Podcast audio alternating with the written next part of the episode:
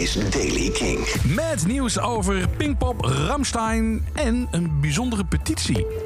En die petitie heet Liefde voor Muziek.nu.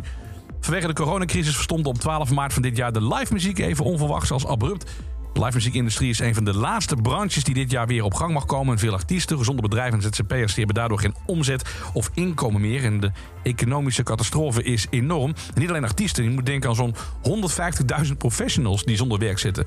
Uh, geluid- en lichttechnici, zaalbeheerders, uh, podiumbouwers, maar ook cateraars, beveiligers, merchandisers. Zitten allemaal zonder geld. Uh, liefdevoormuziek.nu, dat is het adres waar je naartoe kan gaan als je de live muziek een warm hart toedraagt. Over een maand worden de handtekeningen aangeboden in Den Haag. Theaters, concertzalen, musea die mogen per 1 juni maximaal 30 bezoekers ontvangen, exclusief personeel. Dat is een verandering ten opzichte van het plan van Rutte, die dat uh, twee uh, weken geleden bekend maakte op een uh, persconferentie. Toen werd namelijk personeel nog meegerekend onder die 30 personen. Maar goed, dat bleek niet haalbaar. Pinkpop is niet al te zwaar gedupeerd, dat zegt Jan Smeet in een interview met de Limburgse zender L1. Gelukkig is de schade voor Pinkpop niet al te groot, zegt hij. Zo zijn de zaken goed afgedekt en zouden alle 50 bedrijven die dit jaar mee zouden doen, volgend jaar opnieuw geboekt.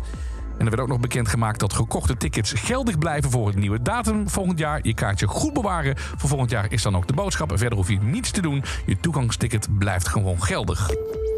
Nog meer goed nieuws rondom Pinkpop, want de Red Hot Chili Peppers, die dit jaar eigenlijk zouden spelen, die komen in elk geval volgend jaar. Dat heeft Jan Smeets ook vandaag bekendgemaakt. En het plan dat Ramstein 24 juni in het Gofferpark volledig in vuur en vlam zou zetten, ja, dat ging helaas niet door.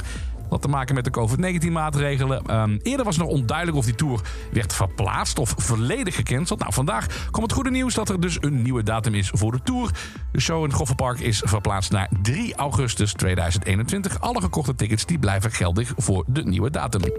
En tot zover de Daily Kink van vandaag.